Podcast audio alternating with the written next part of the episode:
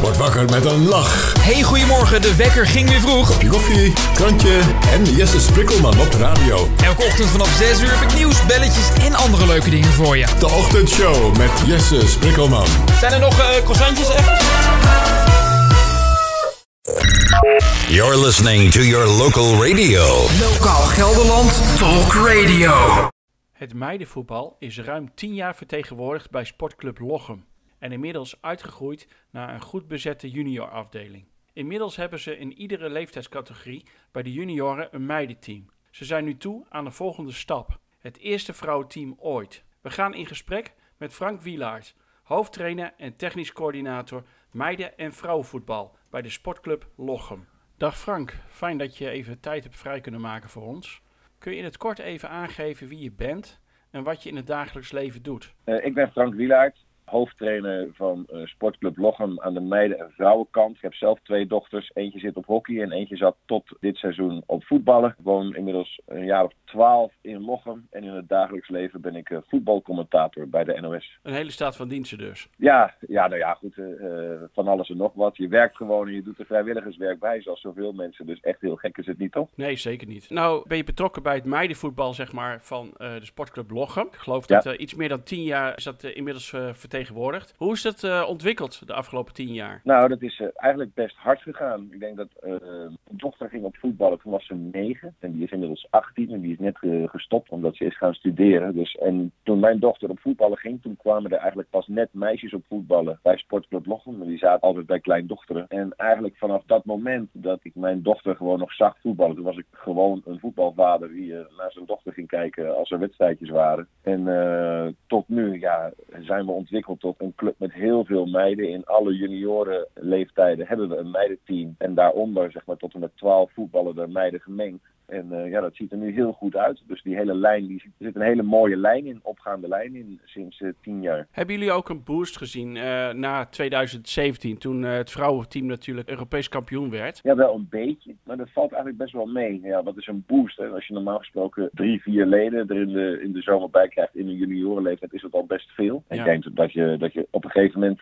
zie je er wel zes of zeven binnenkomen. Nou, dat, dat is een verdubbeling, dus dat, nou, dan is dat veel. Maar voor je gevoel denk je toch van, nou, het had eigenlijk best wel meer gekund. Dus ik denk dat uh, het wel goed was, maar voor mijn gevoel viel dat wel mee. Maar je merkt wel dat er veel meer, het veel meer over vrouwenvoetbal en meidenvoetbal gaat sinds het EK in 2017. Dat heeft echt enorm geholpen. Ja, want het is natuurlijk een ondergeschoven kindje geweest. Laten we daar gewoon eerlijk over zijn. En eigenlijk vanaf dat moment, ja, ja. ja, vanaf dat moment is het eigenlijk bergopwaarts gegaan. Ja, de, de, de, meiden van het EK 2017 hebben echt een, een, goed voorbeeld gegeven van hoe het kan zijn en hoe je een, een land mee kan krijgen in een sport die tot dat moment eigenlijk totaal niet bestond voor het leeuwendeel van, uh, van ons Nederlanders. Ook al waren deze vrouwen al heel lang bij elkaar en hebben ze in 2009 al een EK gespeeld. En in 2015 al een WK gespeeld. Eigenlijk kwam het in 2017 allemaal bij elkaar.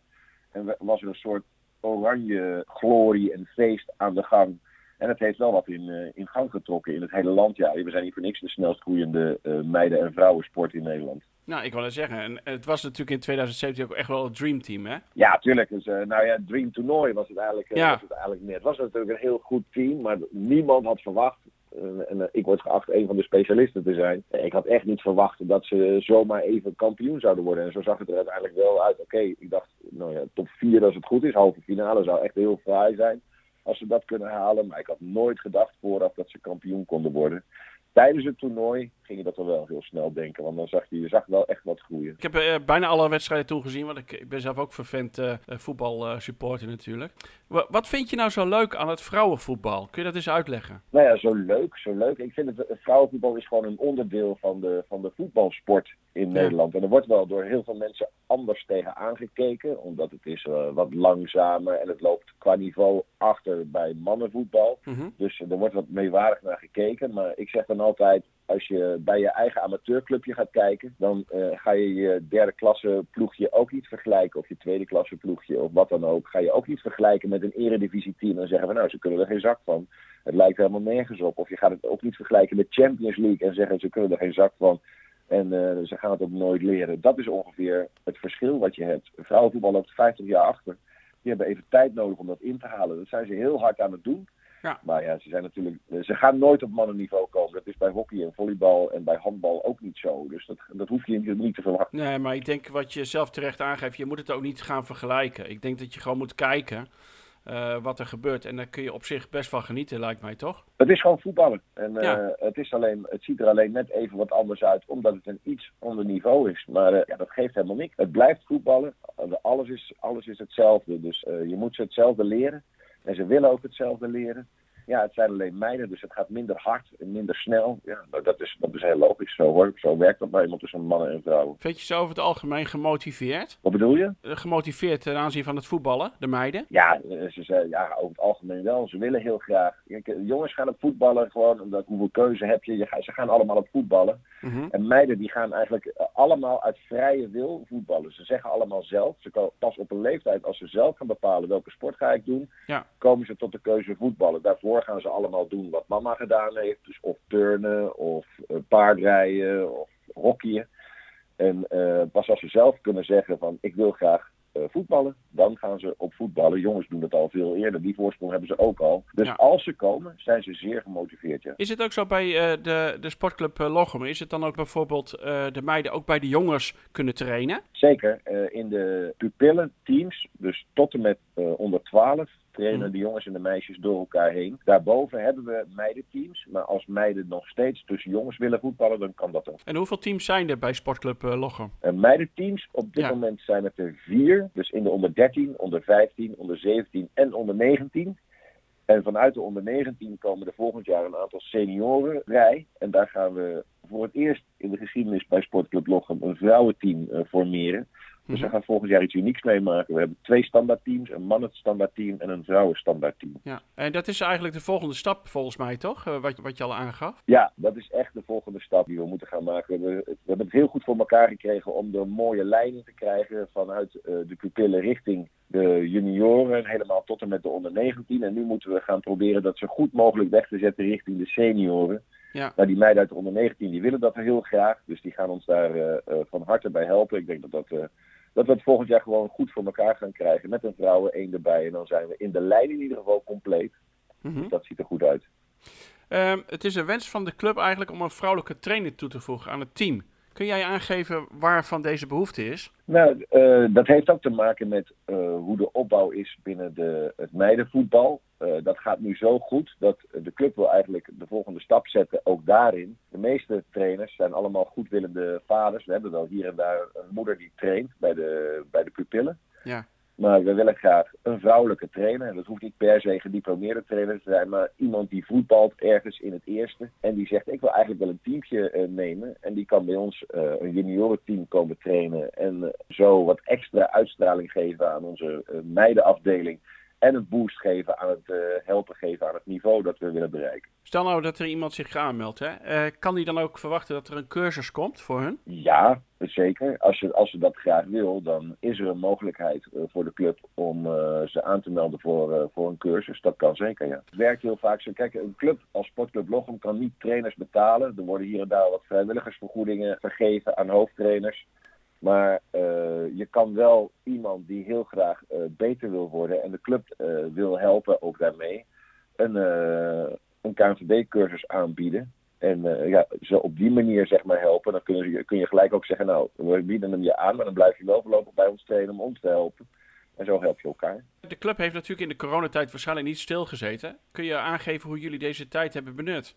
Nou onder andere dus eh, goed om goed na te denken over hoe gaan we volgend jaar dat vrouwenteam neerzetten. Maar er gebeuren op de club zoveel dingen meer. Kijk, eh, je, je komt natuurlijk inkomsten tekort in de kantine.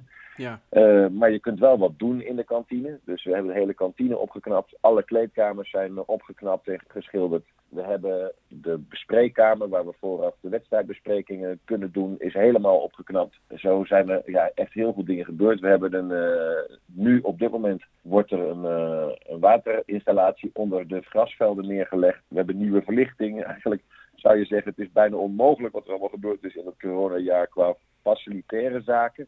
Maar ja, dat gaat er als een trein. Er zijn een paar mensen echt heel hard, heel goed mee bezig. Is het zo dat in Lochem alleen uh, grasvelden zijn of hebben jullie ook hybride velden?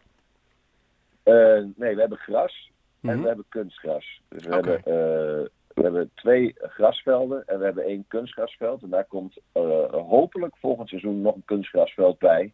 Ja. Zodat we qua trainingsfaciliteiten zo goed zitten dat we altijd kunnen trainen. En eigenlijk ook als je twee kunstgrasvelden hebt, kun je eigenlijk ook onder alle omstandigheden, behalve sneeuw, uh, voetballen. Dus ja. Uh, ja. dat zou perfect zijn als we dat ook nog voor elkaar krijgen. Ja, daarom vroeg ik het ook even van uh, hoe zit dat bij Lochem? Zijn er nog dingen die je wilt toevoegen aan het interview?